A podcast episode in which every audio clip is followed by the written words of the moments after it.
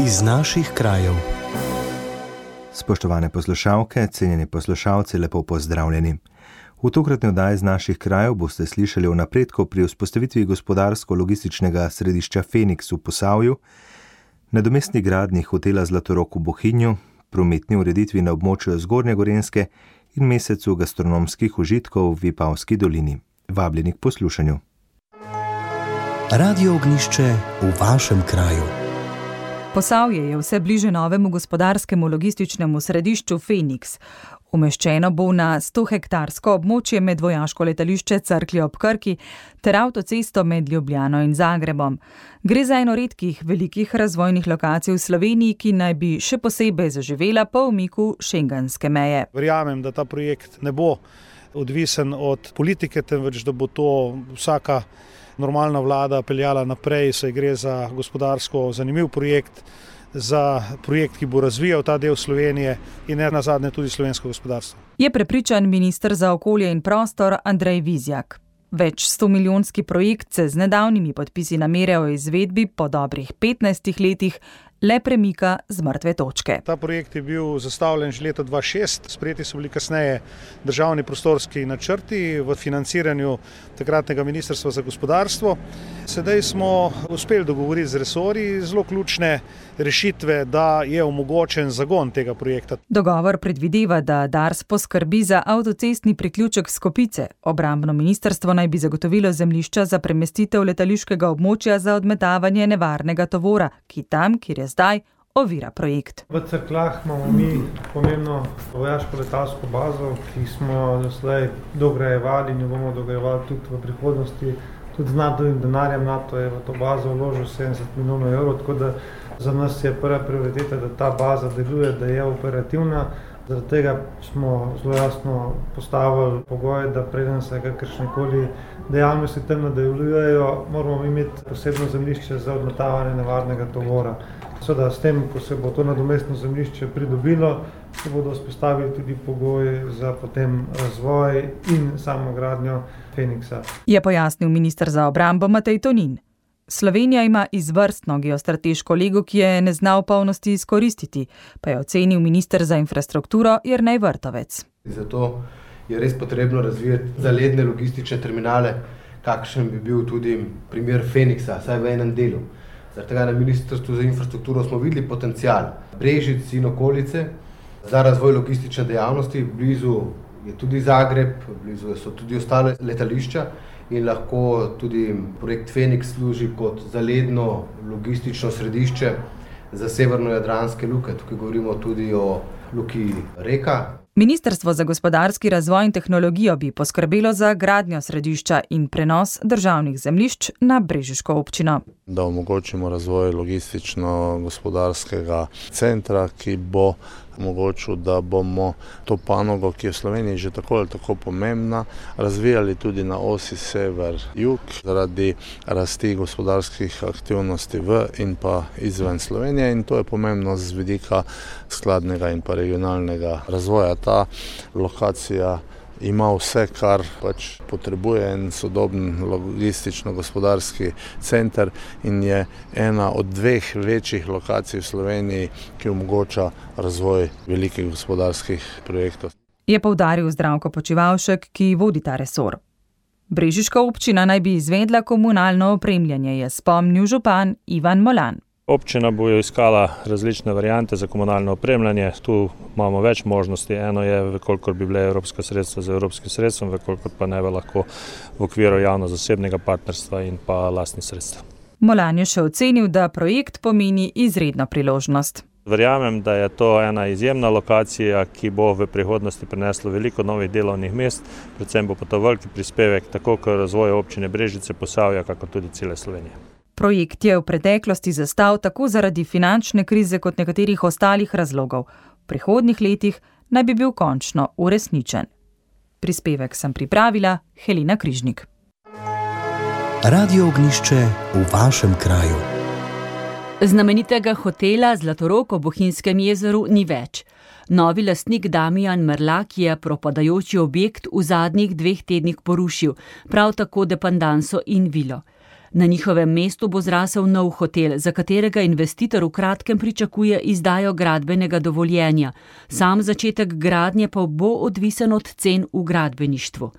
Kot je povedal Jure Repanšek, direktor družbe Alpinija, ki upravlja z Mrlakovimi bohinjskimi hoteli, so se rušenja starih objektov lotili po pridobitvi vseh potrebnih dovoljenj.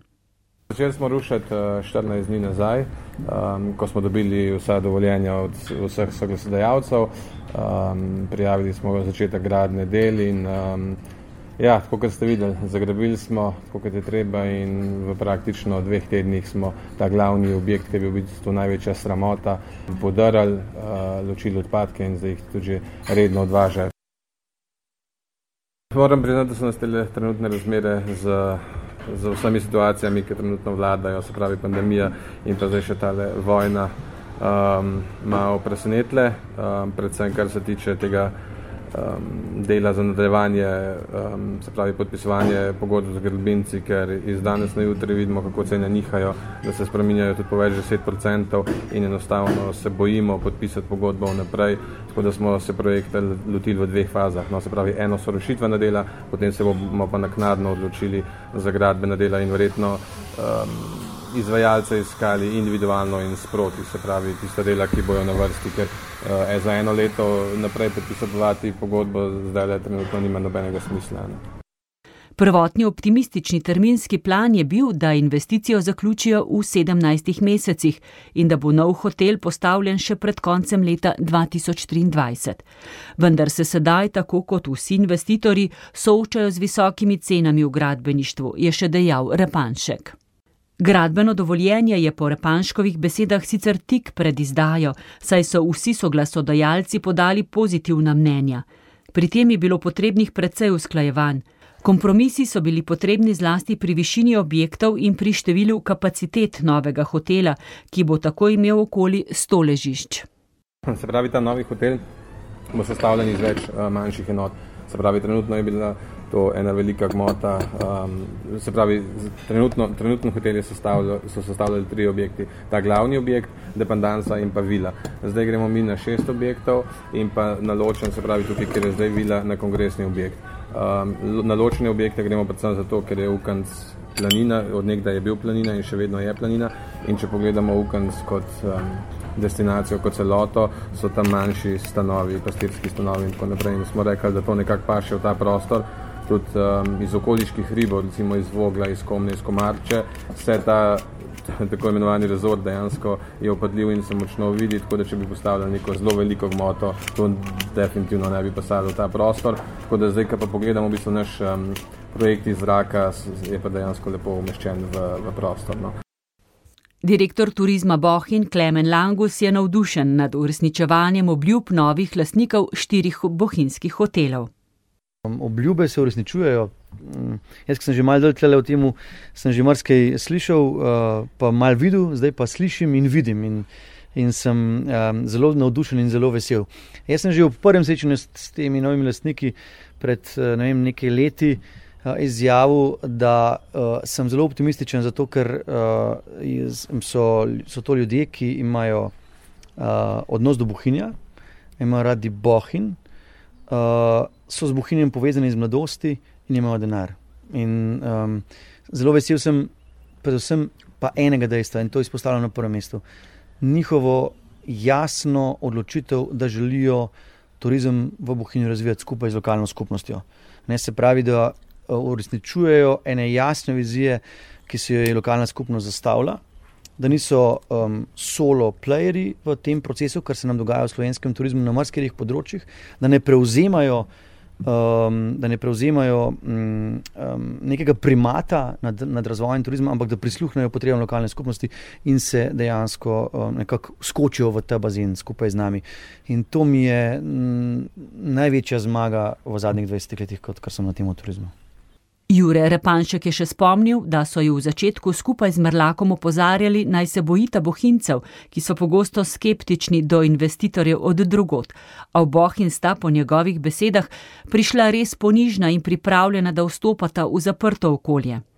Zadovoljen je, da so bohinci spoznali, da jih v Alpiniji poslušajo in tudi vključujejo projekte. Prispevek sem pripravila Meta Potočnik. Radio ognišče v vašem kraju.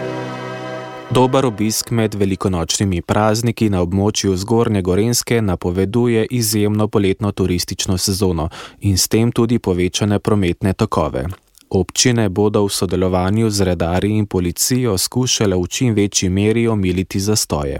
Živa je tudi ideja o ureditvi velikega centralnega parkiraj in se peli parkirišča v lescah, ki naj bi v prvi fazi zagotavljalo prostor za 250 vozil, v nadaljevanju pa še zaenkrat toliko. Bomo zaprosili tudi eh, direktorja Darsa, ker je to povezano, ker trenutno je še njihovo zemljišče. Mi si prizadevamo kot občina Rdovca, pa zgornjo-gorenske občine, da bo to prišlo v naše roke. In uh, glede na južno obvoznico, na kolesarke, uh, ki so predvidene zdaj, je to neizbežno potrebno. Je dejal radovliški župan Ciril Globočnik. Zaradi pandemije je na Gorenskem manj turistov z oddaljenih trgov in več iz bližnjih držav, ki prispejo z osebnimi vozili. Že med preteklimi prazniki pa so se nakazale težave s prometno gnečo, pretočnostjo in parkiranjem, ki bodo velik izziv tudi v letošnjem poletju. Zato so se občani občin Zgornje Gorenske na tokratni koordinaciji, ki je potekala ta teden v Žirovnici, pogovarjali prav o reševanju prometne problematike, ki vpliva tako na zadovoljstvo gostov kot na kakovost bivanja lokalnih prebivalcev. Žirovški župan Leopold Pogačar je v zvezi s kratkoročnimi rešitvami dejal. Predstavnik Darsa nam je seveda zagotovil, da v letošnji turistični sezoni na območju Zgornje Gorenske ni predvidenih večjih vzdrževalnih del na avtocesti. Potem posodobili bodo informacijski sistem in bodo seveda že precej nižje, to se pravi že pred Ljubljanskim ringom, po potrebi na, na preusmerjali promet na Šentil, kajti res, da je podaljša, vendar bi se čakalne dobe skrajšale. Um, tretja stvar je policija zagotovila, da bo seveda v skladu s svojimi kadrovskimi zmožnostmi pomagala pri vseh urejanju prometa na teh obremenjenih odsekih.